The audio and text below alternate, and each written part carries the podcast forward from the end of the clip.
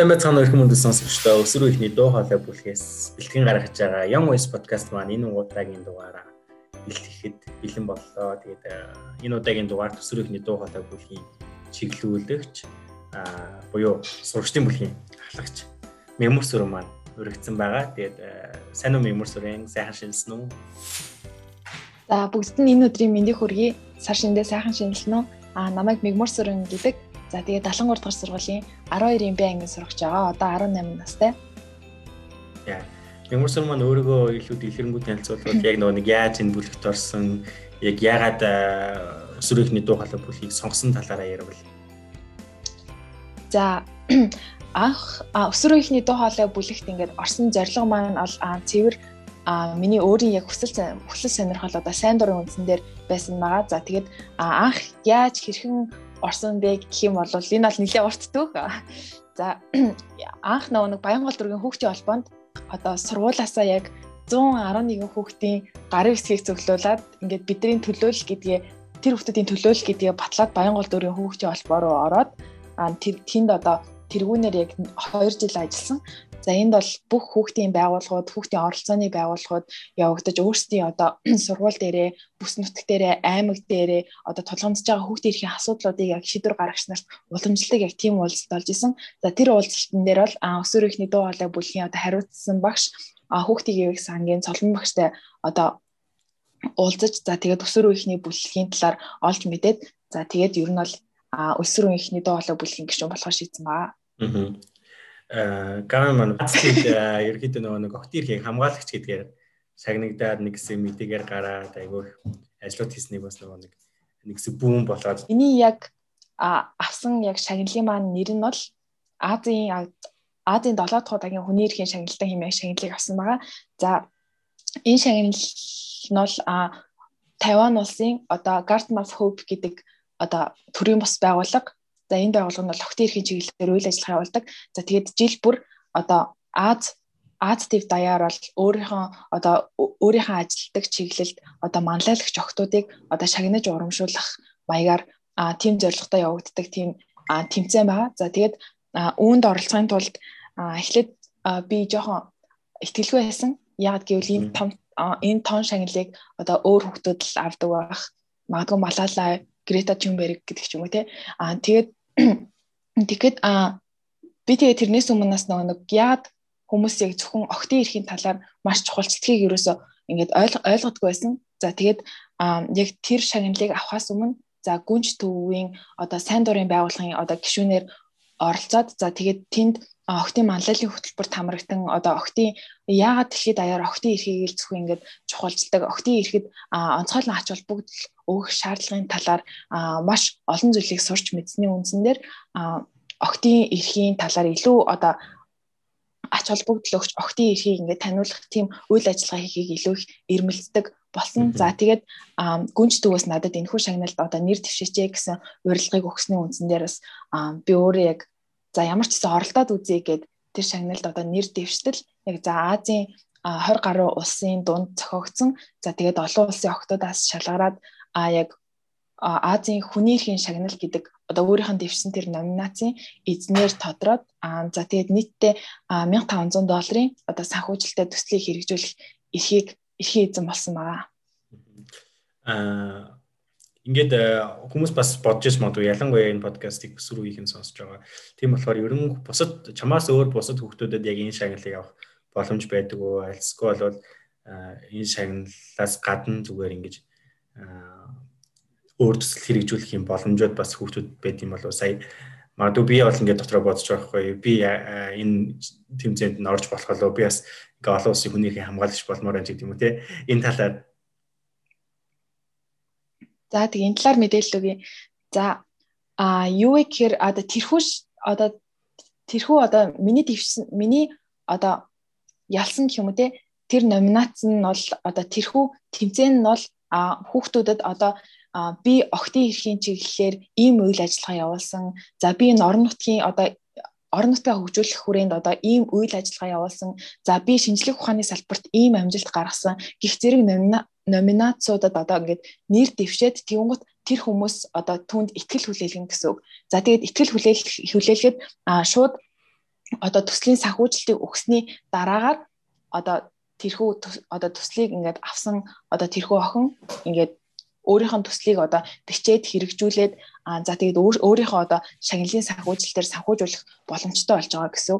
За энэ бол энгийн одоо охтуудад байдаг тийм даваа тал гэх юм уу? Охид охтууд болгон яг өөртөө ихтэй хагаад одоо а Asian Girls Campaign гэдэг нэртэй одоо тэрхүү тэрхүү тэмцээнд одоо нэр твших нэр твших боломжтой. Гэхдээ үүнээсээ өмнө ямар нэгэн байдлаар охтын эрхийн төлөө, хүүхдийн эрхийн төлөө одоо үйл ажиллагаа явуулсан. За тэгээд тэрнийхэн талаар одоо ярьж одоо мэдээлэл хүлээл мэдээлэл өгсөний үндсэн дээр бол а тодорхой боломжтой байдаг. За тэгээд өөр төсөл бичих одоо тал дээр гэх юм бол хүүхэд одоо хүүхдийн байгууллага болгон одоо хүүхдийн байгууллагуудад одоо хүүхэд төсөл бичих өөртөө боломжтой байдаг гэсэн. Юу вэ гэхээр төсөл гэдэг маань ер нь яг товчлоод ярих юм бол юу вэ гэхээр одоо би одоо ийм зүйл хиймээр байна. За одоо би сургууль дээр одоо ийм ажил хиймээр байна. За энэ ажил маань одоо магадгүй хүүхдийн эрхийн одоо манай сургууль дээр одоо хүүхдийн эрхийн нөхцөл байдлыг сайжруулах гэдэг юм уу тийм зорилготой учраас энэ бол танай байгууллагын зорилготой нэгдэж байна. Тиймээс та нар надад ингээд тусалж санхүүжилт өгж төслийг маань арга зүгээр дэмжих ч юм уу тийм талаар тэр одоо саналыг л маш одоо баримт бичигдээр тулгуурлаад айгүй тийм формал тийм аль бие усны байдлаар өгнө гэсэн үг.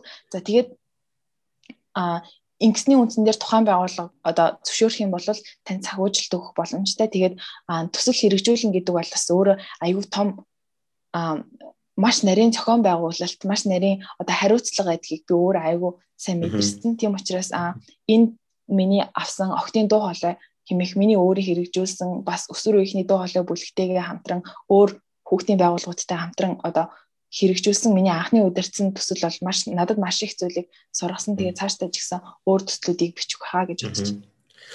Баярлалаа. Айгу хүмүүс айгу гоё тайлбарлаад өглөө тий.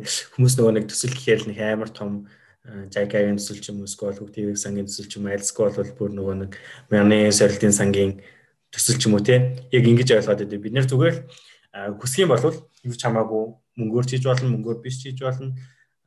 Сүүл нөгөө нэг Ховд аймгийн хүүхдүүдийг бид нэр подкаст хийж хахад бид нэр зүгээр нөгөө огтирхийг хамгаалахаар зүгээр гоё видео хийж байгаа гэд тэр нь хүртэл ингээд нэг төсөл болоод явцсан. Тэгээд дараа нь үр дүнгийг хараад тийм аюу тийм аз жаргалтай байгаад байх байх. Тэгээд бас нөгөө нэг энэ хүү нөгөө нэг хийж байгаа зүйл нь цаашаад бас ингээд яваад байвал аюу зүгээр тийм. Магадгүй нөгөө нэг найзуудаараа нийлээд нэг төсөл хэрэгжүүлээ гэхэд магадгүй 2 сарын хугацаатай төсөл байгаад 2 сарын дараа дуусчвал тэр бас нэг зүгээр ингээд нэг хугацаатай төсөл юм уу те? А альсгүй бол 2 сарын дараа ингээд тэр төсөл ингээд яваад байвал тэр айгүй сайн төсөлч гэдэг юм уу те?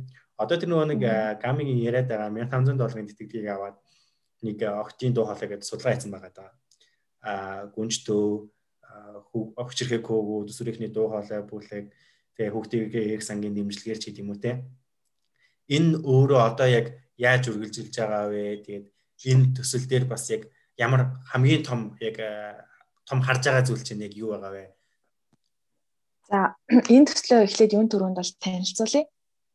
За үүнийг энэ энэ энэхүү судалгааны маань одоо гол зорилго нь гэх юм бол одоо ерөнхий боловсролын сургуулиуд дээр хийгддэг одоо октийн үзлэг хэмээх үйл ажиллагааны талаар одоо энэ үзлэгт ордог охид өөртөө яг юу гэж боддог талаар юм тандах зорилготой байсан. За тэгээд анх энэ санааг олж явахдаа би нэг мэдээ үзчихсэн байхгүй. Тэгсэн чи тэрэн дээр ерөнхий боловсролын сургуулиудаар одоо хүртэл энэ охтын үзлэгийг хийдгээ. Тэгээ цаашид хийдгээ гэсэн тийм мэдээлэл үзчихэд би бүр бүр байд юм уу гэд бүр бодож исэн. Тэгээд шууд интернетээс хайгаад үзсэн чинь хүмүүс бүр шал эсрэгээрээ одоо энэ үзлийг ингээ явуулах хэрэгтэй. Октыг эрсдлээс хамгаалахын хамгаалахын тулд бид нар энэ үзлийг хийж байгаа ч гэдэг юм уу. Ийм байдлаар маш их өөрсдөө тайлбарлаж исэн. За харин би бол яг энэний эсрэг байсан л да. Яг гэх юм бол нэгдүгээрт а октийн үзлэг гэдэг нь болохоор октийг онгон эсэх бэлгийн харцанд орсон эсхийг ингээд шалгах тийм үзлэг байж байгаа. Гэхдээ энэ бол олон улсын хэлгээр virginity test гэж явдаг. А энэ тестийг хийхгүй гэдэг амлалтыг Монгол Улсын нэгдсэн үндэсний байгууллага төгсөн байдаг. Тэгэхээр а энэ бол Монгол Улсын хүний эрхийн нөхцөл байдалд ингээд ухралт гарч байгаа тийм үзэгдэл байж таарж байгаа. Хоёрдугаарт гэх юм бол а энэхүү үзлэг нь өөрөө яг эрслээс урдчлэн сэргийлэх арга зам мөн үү? За арга зам мөн байлаа гэж бодоход тэр яг зөв арга зам мөн үү гэдэг дээр үнэлэлт хийсэн. Өөрөөр хэлэх юм бол энэ үзлэг ерөөсөө октыг эрсдэлд орсных нь дараа нь дараа нь яг өмнө нь яг урьдчилан сэргийлэх биш эрсдэлд орсных нь дараа нь бүр оройтсны дараа үүнийг илрүүлэх илрүүлээд магадгүй одоо ямар нэг ямар ч эмнэлгийн байгууллагатай зуучилж өгдөггүй ийм одоо ямар нэг ашиггүй хэрэгцээгүй ч гэх юм уу тийм үйл ажиллагаа байж байгаа. За тэгээд ингэж бодсны үндсэн дээр бол охид өөртөө яг энэ үзлэгт ороход одоо дуртай байд юм уу, дургүй байд юм уу, энийг хэрэгтэй гэж бодд юм уу, хэрэггүй гэж бодд юм уу, тэрийг нь одоо танцсан.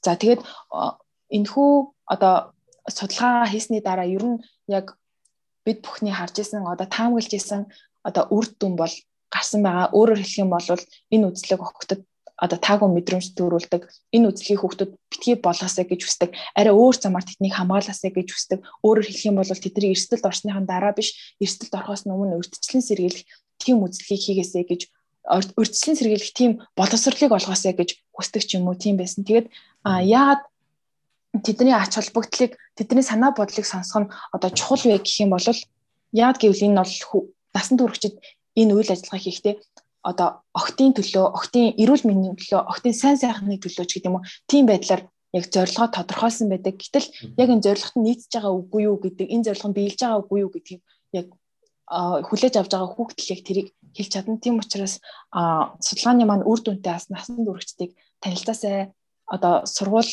сургуулийн удирдлага одоо сургуулийн захиргаа ямар нэгэн шийдвэр гаргаж хүмүүсийг бас танилцаж одоо баримт төчгүүд дээр илүү сайжруулалт хийгээсэй гэсэн зорилгыг бол бид нар энэ төслийнхөө одоо төгсгөлд бол тавьсан байгаа. Төсөл маань маш амжилттай яг нэг жилийн хугацаанд үргэлжлээд дуусна. Тэгээд судалгаанууд маань хэвлэмэл байдлаар гарсан.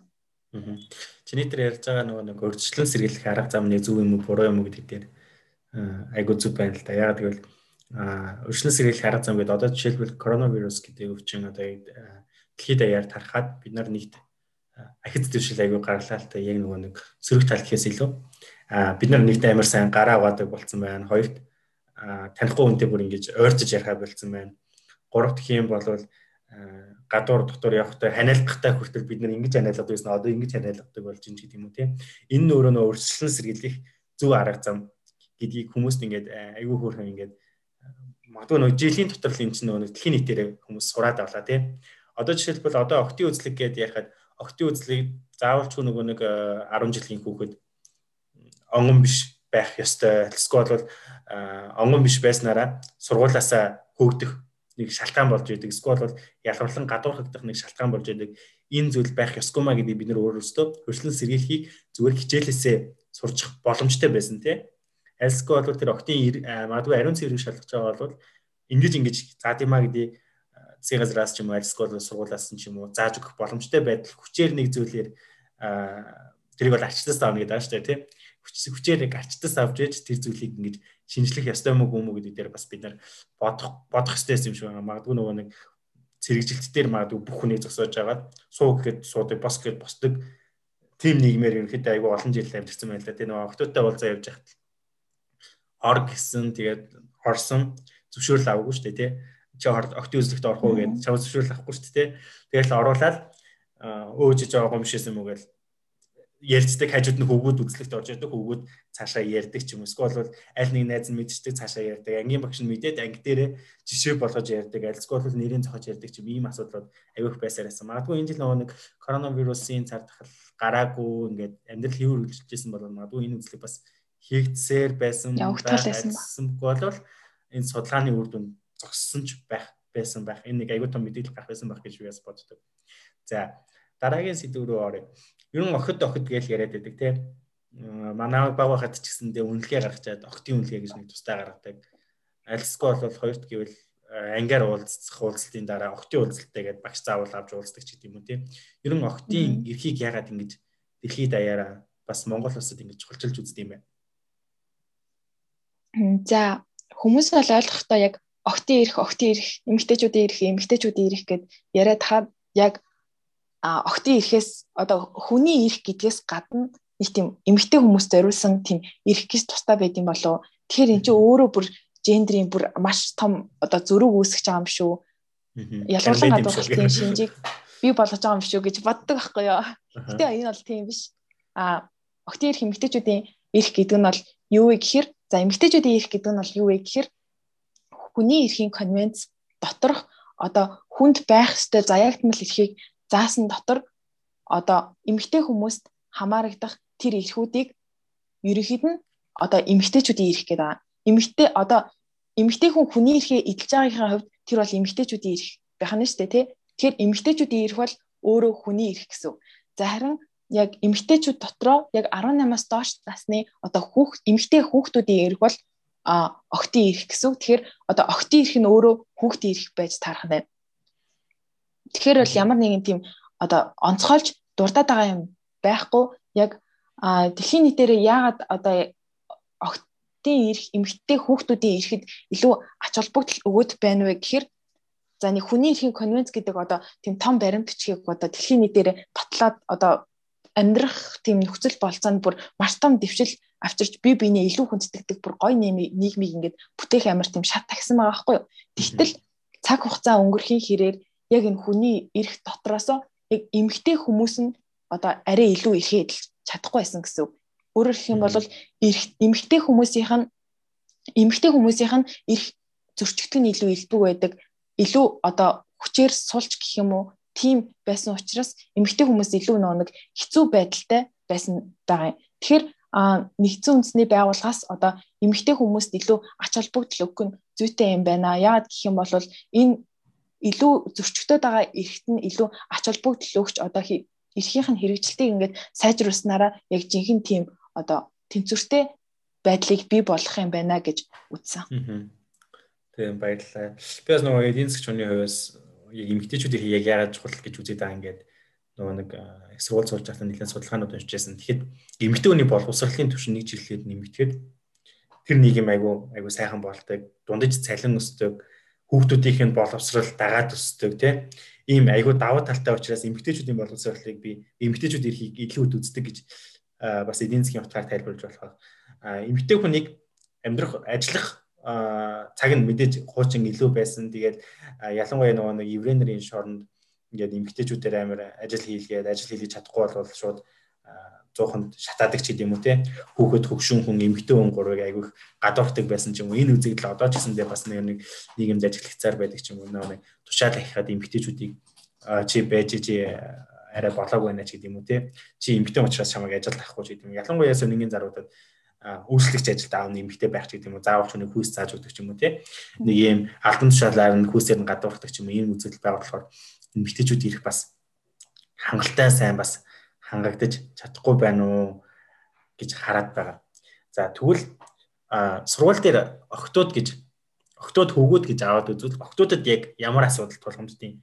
Миний мэдэхгүй бас нөгөө нэг асуудал байж болно шүү дээ. За нэгт октын үзлэгийн асуудал байгаа байна. Хоёрт гэвэл чиний хувьд яг ямар асуудал вэ? Гэтэ чиний хувьд гэсэл яг нөгөө нэг октодын хувьд ямар асуудал вэ? За Үүн дээр ярих юм бол бүр эхлээд бүгдээр том зургаар нь харж үзье. За октын ирэх гээд ингээд октын ирэх зөрчигддөг учраас илүү их чухалчилж үздэг юм байна гэд хэлжлээ. А одоо тэгээд тэгвэл энэ дээр яг хаана хаана яг яаж яаж зөрчигддөг юм бэ? За магадгүй хүмүүсийн тэр би октын эрхийг зөрчсөн юм байх шүү дээ, зөрчөөгүй юм бэ? Зөрчсөн юм байх шүү дээ гэдгийг бүр анзаардагчгүйгээр магадгүй тэр хүний эрхэд халддаг тийм одоо жишээнүүд маш их байдаг. Одоо жишээлх юм бол үзье л да Одоо нь хамгийн л яриа тий. Аа бас айгүй нийгмээс эхлээд яг ингээд шат шат шатаар ингээд яваад тэгээ сургууль яг гэр бүл гэдэг рүү гоо. Яг сургуулийн төвшөнд сургуулийн төвшөнд тэгэхээр хэдүүлээ бас нөгөө нийгэм гэхээр айгүй ойрын хувьд амар нөгөө том том стрессний асуудал яригдаад тэгээ гадуур ч юм нөгөө хүнд итгэх хэтгэлгүй болоод ерөн хүн болгоныг харахтаа энэ яачих бол гэдэг байдлаар хараад тах шүү байна тий. Сургуулийн үед ямар асуудал вэ? За сургуулийн үед гэх юм бол А нэгдүгээрт за хүүхдэд яг ингээд үндсэн дөрөв ирэх гэдэг аахгүй. Одоо тэр ямар эрхүүд вэ гэхээр одоо 9 минут амьдрах, за оролцох, хөгжих, хамгаалуулах. Хамгаалуулах эрх байдаг. За тэгээд хэлэх ус байдаг тийм. Аха. За тэгээд тэрхүү эрхүүд яг сургууль дээр яг яаж зөрчигддөг юм бэ гэхээр за нэгдүгээрт за хөгжих эрхийн талаар за охтын хувьд яг хөгжих эрхийн талаар аваад үзье. За юу вэ гэхээр хөгжих гэдэг нь одоо сурч боловсрох, дугууланд явах, хамтлагт одоо дуу бүжиглэх одоо бүгд бүгд л орж байгаа. Тэгтэл яг хүүхдүүдэд яг эмэгтэй хүүхэд гэдэг талаас нь за магадгүй гэрт нь илүү их үүрэг оногддог. Жишээлбэл дүүгээ харах хэвээр, хоол хийх хэвээр, гэрээ цэвэрлэх хэвээр одоо өөр юу ч үгүй тий ээж аваа ээж аваагаа ажлаас нь ирэхэд одоо бүх юмаа гой цэвэр цэмцгэр байлгах хэвээр гэдэг одоо нэмэлт хариуцлагууд байдлын үндсэн дээр одоо эмэгтэй хүүхдүүдэд тэр бүр одоо яг өөрийгөө хөгжих хэрэгээ эдлэх тийм боломж болцоо байдгүй байдаг. А за харин оролцох эрхийн талаар аваад үзэхэд за маш олон би жишээнүүдийг яг мэддэг. Яг юу вэ гэхээр за эрэгтэй хүүхэд магадгүй ингээд за одоо манай сургуульд яг ийм асуудал тулгарч байна. За манай орон нутагт яг ийм асуудал тулгарч байна. Миний эрх ингэж зөрчигдөж байна гэд ярангуут хүмүүс за энэ одоо мундаг улс төрч болох юм байна да. Энэ мундаг манлайлагч өстой яг эр хүн Монгол эр хүн гэж хардаг. Гэтэл яг эмэгтэй хүүхдүүд өөрийнхөө эрхийн талаар ярихад за яг ийм ийм зүйлсийг сайжруулах шаардлагатай байна. За яг надад ийм юм хэрэгтэй байна гэдэг ч юм уу те.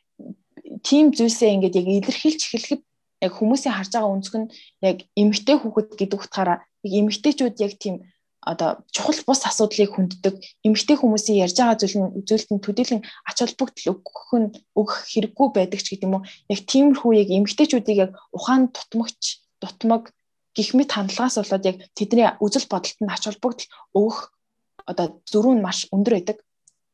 Эрэгтэй хүмүүстэд илүү ач холбогдол өгдөг гэсэн үг.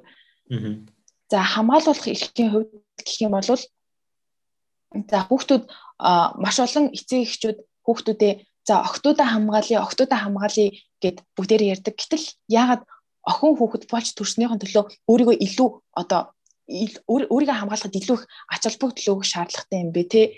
А охин хүүхэд болж төрснөөр яагаад миний би илүү илүү өндөр одоо хамгаалтаар өөрийгөө хамгаалах хэрэгтэй болгоом бэ? Яагаад би одоо яг нөгөө л нэг хандлага байдаг тэр нь одоо юу вэ гэхээр одоо охин хүүхдүүд гадуур явж болохгүй охин хүүхдүүд а орой өдөж гарч болохгүй ч гэдэг юм уу? Тийм зүйлс одоо нийгэмд өөрт нь яг яг эмэгтэй хүүхдүүдэд тулгардаг яг тийм аюулт үзэгдлүүд маш их байгаа учраас яг охтууд өөрсдөө хамгаалах шаардлагатай гэж үздэг. Гэтэл яад хөвгүүдээ боловсруулж болохгүй гэж? Яад одоо охтын зөрчөөд байгаа охтод боловсруулаад байгаа тэр хүмүүст илүү одоо хариуцлагатай оцох гэдэг юм уу яг тийм гэмт хэргийг одоо бууруулах талаас нь илүү яагаад ажиллаж болохгүй юм бэ гэдэг санаас гарч ирж байгаа. Би нэг хэд хэдэн асуултыг шууд асууя чи бас нөгөө шууд надад энэ зөв юм уу буруу юм уу гэдэг байдлаар хариулаад өгөөрэй. Аа би бас заримдаа зөв юм шиг буруу юм шиг эсвэл нийгэм тэр даяараа бас наа чиг юм бодолтой байж ш магадгүй. Одоо хавар болоод ирэхээр охтуудын мэдээж нөгөө хүмүүс хүүхдүүдийн хувцсан нэмгрээд юпг цагаан цамцаа өмсөд цагаан сорож өмсөд пижака өмсөд хичээлдээ явдаг штэ тий. Юпг ер нь урт байх хэрэгтэй юм уу, богино байх хэрэгтэй юм уу? Энэ дээр хүмүүс ер нь заа тийм үү сургууль дээр хувцсны код гэж байд юм уу гэж хүмүүс ярьдэн штэ тий. Ийм болохоор охтууд хүчрхийл төртөд байна гэд. Ер нь юпг урт байх хэрэгтэй юм уу, богино байх хэрэгтэй юм уу? За яг урт байх хэрэгтэй, богино байх хэрэгтэй дээр нь тухайн өмсөж байгаа охин өөрөө шийдэх хэрэгтэй. Гэтэл яг урт байх богино урт байх уу богино байх уу гэдэг дээр гэдэг асуудлыг ярихаас өмнө охид тэгвэл яагаад өмд өмсч болоогүй юм гэдэг асуултыг бас асууж болохоор байгаа байхгүй. Яагаад зөвхөн хөвгүүд өмсөх өмд өмсөх хэвтэй. Хэрвээ магадгүй тэр охинд юу бүх тухгүй бол өмд өмсөх сонголт бүр яагаад гаргаж болдгоо юм ч гэдэг юм уу. Тийм зохицуултыг яг хийх хэрэгтэй. За юпг богинохон байх нь одоо юпгийг одоо ингээд урт байх хэвээр юпг ингээд уртсах хэвээр хүүхдүүд октод маяглаад ингээд юпг богинохон болгоод байна гэж асуудаг гэж одоо хилдэг хүмүүсийн дотор нь яг юу бодогдчихэдэг вэ гэхээр одоо тэр юпг богинохон байх юм бол магадгүй одоо хин нэг нь тэр охиныг хүчрхийлэх хүслийг одоо төрүүлэх ч гэдэг юм уу тийм шалтгаан болж магадгүй гэж боддог. Гэхдээ яг үнийг хэлэхэд бүр битүү хувцастай ингээд явдаг тийм муслим шашинтны эмэгтэйчүүдэд хүртэл эмэгтэйчүүдийн хувьд ч гэсэн бүр хүчрхийлэл нь бүр маш өндөр хэмжээнд гардаг. Бүр нүцгэн явж байгаа хүн хүн ч гэсэн адилхан хэмжээнд л яг хүчрхийлүүлнэ. Гэтэл яг хувцас яг хүчрхийлүүлэх шалтгаан болж болох уу? Яг хүчрхийлгээ өрөх юм бол богинохон өвхтэй байсан ч хүчрхийллийн гэмт хэрэг гарна. Урчин бүхтэй байсан ч хүчрхийллийн гэмт хэрэг гарна. Тэгэхээр яг хүчрхийл яг ингээд золиос золиостож хохирогдоод байгаа яг тэр эмэгтэй хүүхдүүдийг битгий буруутгаасаа гэж бас хүсэж байна л да. За дараагийн асуулт. Аа охтууд их хвчлэн их цэвлээ хийх ёстой. Яагаад гэвэл ирээдүйд гэр орноо цэвэрлээд ядаж их зүйл сурах хэрэгтэй гэж багш нар загнаал 10 жил хүмүүсээр аяух ангаа болгодог байсан л та. Одоо өөрчлөгдсөн ч гэж магадгүй хүүд нэлээд ангаа болдог гэсэн ч магадгүй. Ер нь энэ тал дээр одоо яг ямар үгүй. Манад их зөвлөгөө хийхэд нэг ортууд очиод ангаа аваад нэг тийм л байд. Скол би амар хөнтэй ангуудад сурч таарсан юм уу гэж би бас бодод. Би яг их зөвлөгөө хийснээр бас санддаг байхгүй юу? Аа энэ тал дээр ярих юм бол яг нөхцөл байдал нь одоо хүртэл байдаг. Бусад сургууль дээр ч байдаг. За тэгээд яг цэвэрлэгээ хийх их цэвэрлэгээ хийх болоод ирэхээр эсвэл ямар нэгэн байдлаар ингээд э, шалгалт ороод ирэхэд манай анги жоох ингээд муухай явах юм бол ийм олон сайхан охтуудтай байж ийм ангитай байхад яах вэ гэд одоо хамгийн түрүүнд тэр хүнийх нь ам дээр нь гарч ирдэг. Тэгтэл яг үүнийг сонссон эрэгтэй хүмүүстэд яг ямар одоо бодол төрөх вэ гэхээр за ийм одоо ариун цэврийг сахих асуудал нь зөвхөн эмэгтэй хүмүүсийн асуудал юм байна гэдэг одоо толгойд нь тийм санамсаргүйгээр тэр бодлыг өгч байгаа байхгүй. Тэгтэл тэр байдлаас үүдээд яг сургууль сургуулийн одоо нин тэргуун зорилгыг тавьсан хүүхдийг одоо гэр бүлийн тийм одоо мундаг ээж аа болоход тийм бэлтгэнэ гэсэн тэр зорилготой одоо ингэ нийцгүй бол явчихж байгаа юм л да. Өөрөөр хэлэх юм бол яг тэрийг сонссон эрэгтэй хүүхд нэг тийм бэлтгэлийн хувцтай будин дээр ингээд суудсан жоохон нэг тийм муухай сахлаа сахлаа удирдлага тий удирдлага барьсан тэгүн цаана ихнэр нь ингээд шал арчаа байдаж байж идэг ч юм уу тий. Тийм гутаа за алийг хөлөө өргөж байгаарэ гэж ингээд харчиж марчдаг. Одоо яг нэг тийм ойлголттой. Одоо яг тэр ойлголттой хүмүүс аа яг миний үеэс дээшээ бас дуусаасаа гэж айгүй үстэй. Тэгэхгүй бол яг яг тэгээ за за одоо тэгээд нам намайг 10 жил сууж хаад энэ үзэгдэл бас арай багассан ч гэсэн энэ үзэгдэл яг нөгөө нэг суул сургуулиасаа хамаарат байсарлаа. Одоо ч гэсэн тэгээ байгаа байгаа хэрэг байгаа бол айгүй тийм харамсмаар үзэгдэл гэж би бас тэрэн дээр бас нөгөө нэг бас нэг юм хэлэхэд бүгдээрээ өмнө нь бас нөгөө октын үзлэгийн талаар бас ярьсан штэ. Тэгэд октод зөвхөн ингээд үзлэг хийгээд байгаа нь за эмэгтэйчүүд магадгүй тэр хүүхэд ингээд жирэмсэн ч юм уу асуудалд өртсөн байх юм бол тэр охиныг нь л буруутгах нь штэ. Тэнгүүт одоо магадгүй хариуцлага хүлээх ёстойс эрэгтэй хүүхд юу гэж бодох вэ гэхээр за эмэгтэйчүүд өөрсдийнхээ эрүүл мэндэд ганцаараа хариуцлага хүлээх ёстой юм байна. Энэ бол эмэгтэй хүмүүсийнх нь өөрсдийнх нь л одоо хариуцлага үр дагавар юм үр нөлөө юм байна гэсэн ойлголтыг төрүүлээд тийм учраас магадгүй ийм өргөдлөөс ээжүүд байдаг баг. Би сүүлийн үед сошиал медиа угаасаа ухаас баг хүмүүс дургуун өрөөд ялангуяа өсвөр үеийнх юм бол сошиал медиас нэлээд холдох хандлагатай байна шүү дээ тий. Яг фейсбુકээс бол холдох хандлагатай байгаа. Магадгүй инстаграм ч гэдэг юм уу, альсгүй бол өөр платформ гарч ирвэл шууд хэрэглэхэд бэлэн байдалтай. Тэрийг бас сая сүүлд Clubhouse бас сүүл нэлээд харуулж ах шиг байна тий. Өөр нэг аппликейшн гарвал Facebook-ийн цагаа багасгаад нөгөө аппликейшнаа нэмэгдүүлэх зорилготой. А сүүлд сошиал медиагаар бас ийм юмнууд явуулсан. Охтууд нэг нэг аймагт багш нарын хүч хийсэн гэхэд багш нарыг буруутгахгүй ирнэ. Охтуудыг тэр охтууд яг гэж талцамж очсон гэдэг юм тий. Тэр охтууд өөрсдөө өөрсдөөсөө болж хүчрхийлүүлсэн байж тээ гэдэг юм тий. Ийм үйл гарч ирсэн а бас нэг хүүхдүүд ингээд муу зан үйл хийгээд энэ хүүхдүүдийн л буруу штэ тий энэ хүүхдүүдэд ягаад өөрсдөө ингэж болохгүй байжээж ингэж хүмүүсийг ингэж юм бэ гэдэг юм тий ерөнхийдөө нөгөө нэг хүүхдүүд рүү хандсан ялцгүй бол ялангуяа охтууд руу хандсан тийм үзэгдэл нэг нь байсараа. Гэтэ одоо нэг асуулт бид нар ингээл охт ирэх охт ирэх гэж яриад байдаг. Яг үнэнгээ хэлэхэд яг хүний ирэх гэж ярихаар хүмүүс ингээл өөрсдөөс нь холж юм шиг тий. Альсгүй бол хүний эрх гэж ярихаар зөвхөн улс төрийн зөвлөлтнүүд хийдэг. Альсгол бол зөвхөн эмгтээчүүд хийдэг. Ийм үзэгдэл юм шиг яриад байдаг. Ерөн хүний эрхийн ач холбогдол нь юу юм? Хүний эрх гэж ер нь яг дуурах ёстой мó, ёсгүй мó? Ялангуяа охтууд хүний эрх гэж дуурах ёстой мó? Хүүхдүүд хүний эрх гэж дуурах ёстой мó? Хүний эрх гэдэг нь яг юу вэ гэдгээсээ эхлээд тэр нь бол за бүр амар энгийнээр тайлбарлах юм бол за зүгээр л хүн хүний орчлонд одоо хүн одоо хүний ёсоор амьдрах одоо цорын ганц баталгаал одоо хүний эрх. Хүний өснөөс гажууд хүмүүс зөндөө юм байна штэ тий. Жишээлх юм бол өөрөөсөө хүч доорой нэг нэг за магадгүй хар эрстэй төрснөөс нь болоод боолчлох ч гэдэг юм уу. Энэ бол хүний өснөөс гажууд. Тэгтэл та магадгүй хар эрстэй болж төрснөөрөө одоо хүмүүстэй энэ зэрэг төрсөн ч гэсэн хүмүүстэй энэ зэрэгцэн амьдрах одоо ямар нэгэн Аз царайнаасаа болоод ч юм уу те өөр гадны улс орнуудад ингээд гадуурхагдахгүй арай илүү бага хүндлэл өөртөө одоо үзүүлэхгүй ч гэдэг юм уу тийм боломжийг хүний эрхэл олгож өгдөг.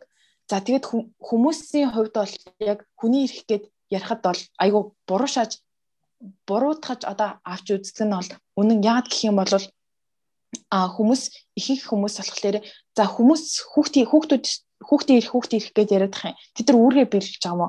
Хүмүүс хүнийр хүний ирэх гэж яриад тах юм. Тэд нар эхлээд үүргээ биелүүлж байгаа мó гэж ярьдаг. Гэхдээ энэ бол а яг шууд ингэж ярих нь өрөөсгөл яад гэх юм бол за чи үүргээ биелүүлж иж за чи эхлээд үүргээ биелүүлснийхэн дараа л бид нар чамд энэ эрхээ чин өгөн гэсэн тийм нөхцөлтэй өгсөн юм байдгүй яад гэх юм бол би хүүхдийн эрхийг бүр төрөхтөө бараг нүд чатгаж төрнө гэдэг шиг аваад төрсөн нөгөө гартаа хүний их гэдэг зүйлийг бас аваад төрсөн яг төрөхт нь яг хүн болгонд байдаг тийм эрх учраас үүнийг яг хүний эрх гэдэг байгаамаа.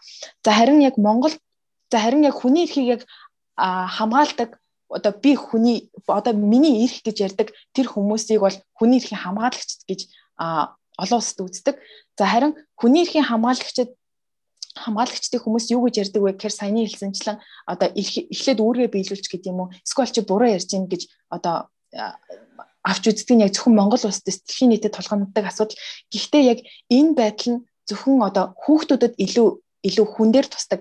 Өөрөөр хэлэх юм бол хүүхдүүд хүний эрхийн хамгаалагч байх нь арай илүү бэрх байдаг гэсэн үг. Яг гэх юм бол одоо насанд хүрсэн хүн болгон өөрийгөө одоо хүүхдээс илүү ухаантай, хүүхдээс илүү амьдралын туршлагатай гэж боддог. Гэхдээ энэ нь үнэн ч гэсэн хүүхдүүд одоо эрхээ одоо өөрийнхөө эрхийг орцооныхоо үндсэн дээр шаардах нь бол маш зөв асуудал байдаг.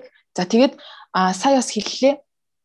За хүний эрхийн хамгаалагч байснараа ингээд дайн тулаан яриад одоо ялгуурлан гадуурхалт яриад тийм зүйл яриад байж байгаа нь өөрөө хүүхэд насаа ингээд өнгөрүүлэх боломжийг одоо хааж байгаа юм шүү. Хүүхэд насаа ингээд алдчихж байгаа юм шүү гэж хэлсэн байдаг. Гэтэл яг энэ нь бол хүүхдийн буруу биш. Яа гэх юм бол за хамгийн нэгдүгээрт а өөрийнх нь эрхийг шаардаж одоо маш хурдан ингээд яг нийгмийн ухаанд сууж ийна гэдэг бол хүүхэд насаа алдаж гин гэдэг биш илүү одоо чанартай хүүхэд насыг өнгөрөөж гин гэж хүмүүс ойлгох хэрэгтэй намайг ч гэсэн одоо ингээд жоохон юм ээжэж айгу том юм ярьлаа гэж ярьдаг хүмүүс маш их байдаг. За харин нөгөө талаараа гэх юм бол хүүхдийг өөрийнх нь эрхийн шаардтал эрхийн зөрчиж байгаа тэр үүрэг хүлээгчдийг хүмүүс бас ярих хэрэгтэй. Яад гэх юм бол тэр хүүхдүүд тэр хүүхд хэрвээ эрхэн зөрчигдөөг байсан бол зүгээр л гадаа тоглоод л явж байх л байсан шүү дээ. Тэгэхээр одоо хүүхэд өөрийнхөө өөрийнхөө хүүхэд өөрийнхөө хүүхэд насыг өгөө хийхийг хүсдэггүй харин одоо том хүмүүс тэр хүүхэд насыг бол өгөө хийлэхэд хүртгээ гэж харах хэрэгтэй. За баярлалаа. Тэгээд өнөөдөр хоёлаа айгүйх олон зүйлийн талаар ярилцсан юм шиг хэрнээ нэг л хүний эрх гэдэг асуудлаар ялангуяа огт эрхийн асуудлаар хоёлаа ярилцлаа. Тэгээд энэ подкаст нэлээд маш сайн мэдээллүүдийг хүмүүс төгсөн байх гэж бодож байна. Хүний эрх гэж яг юу юм? Ялангуяа эрх гэж юу юм? Огтын эрхийг хамгаалахын тулд бид нарын юу юу хийх ёстой? Огтын эрхийн зарим нэг жишээ бас авч үзлээ. А хүний эрх хүний эрх гэж яриад байдаг. Бид нар яг энэний ач холбогдлыг ойлгож байгаа юм уу? Жишээлбэл хүний эрх гэж бид нар ингээд хүүхдүүд дуурахыг буруу гэж үзэж байгаа юм бол ягаад үүрэг хүлээгчдээс тэр үүргийг нэхгүй байгаа юм бэ гэдэг бас яг аюу том санаа гарч ирлээ гэж үзэж байна. Тэгээд гамит бас аюух баярлаа. Тэгээд төсөх ангийн сурагч учраас бас хичээлдээ хараад тэгээд маш сайн өөрхөн хүссэн сургууль хүссэн мэрэгчлэрээ бас ороосоо гэж хүсье. Тэгээд гамит бас өөр хэлэх зүйл байсан байж магадгүй. Тэгээд яг яг юу хэлхийг хүсэж байна яг нэг подкастын төсөл бидний подкастыг яг хин хин сонсдог вэ гэхээр а арчлын төлөв шинэ үе төсөл одоогоор хэрэгжээд одоо бүлгийнхэн маань нэлээд чадварчих үе дээрээ явж байгаа. Тав модулаа бидэд боловсруулад тэр хүүхдүүд маань одоо би жижиг хэмжээний төсөл хэрэгжүүлээд ерөнхийдөө өөрсдөө хөгжих үе дээр явж байгаа. Тэгээд хамгийн сүүлд ерөн хүүхдүүдэд зориулж яг юу гэж хэлмээр байна. 250 өсвөр үеийнхэнд зориулж гэсэн үг. За өсвөр яг сонсох өсвөр үеийнхэндээ зориулж яг хин нэгэн чамайг юу гэж чилжсэн байсан яг өөрийнх хүнийхээ төлөх одоо үгээ үргэлж хурц байлгаарай одоо хурц байдлахаа хязгаарч битгий зогсоогоорой гэж хэлмээр байна. За өөр нэг зүйл нь болохоор за хүний эрх хамгийн хүний эрх хэрэгжих чамайг хүний эрхтэй байх хамгийн чухал орон зай нь бол ардчлал байдаг. Ардчлал байхгүйсэн бол чи хүний эрх гэдэг зүйлийг бүр байгаач байгаа үгүйч мэдэхгүй л байсан байх. Тийм учраас ардчлалыг хамгаалах нь хамгийн чухал. Ардчлалыг хэн хамгаалах вэ гэхээр яг залуус бид нар хамгаална. Яаж яаж хамгаалах вэ гэхээр ардчлал ямар үн цэнтэй юм бэ? Арчил байхгүйсэн бол юу бидэнд байхгүй байхгүй байх байсан бэ гэдгийг одоо сэтгэл зүрхэндээ одоо ингээд ухаарч мэд хүн болго ухаарч мэдэх нь арчлыг хамгаалах хамгийн бүр амин чухал гол түлхүүр гэж хэлж болно. За харин үүнийг сонсох одоо насанд хүрсэн хүмүүс шийдвэр гаргагч нар одоо хүүхдийн өмнө өөрөө хүлээсэн хүмүүстэй одоо хандаж хэлэхэд за хүүхдийг хүүхдийн үгийг та та бүхэн яг хүүхдийн төлөө хүүхдийн хүүхдүүдийг бүх хүүхдүүдийг сайн сайхан одоо байлгаж аж төрүүлэхийг одоо хүсэж байгаа бол тэр хүүхдүүдийн үйл аж өөрсдийг нь үйл ажиллагаанд оролцуулах нь чухал хүүхэд өөрөө надад юу хэрэгтэй байгаа вэ гэдгийг та бүхэнд хэлж чадна яг энэ утгаараа яг таны хийж байгаа ажил ч гэсэн илүү яг үр дүнтэйгээр оновчтойгоор илүү өргөн хүрээнд хийхэд хүүхдүүд өөрсдөө тусалж чадах байхаа гэж бодож байна.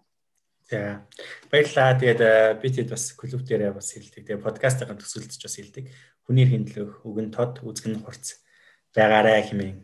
Өрөөгд энэхүү подкастаа бас өндөрлөё. Тэгээд 100 цаг ирж байгаа бас нөгөө нэг монголчууд хэлдэг штэ. Тэгээд хаврын сэлх хаврын нэвт хичэлдэг.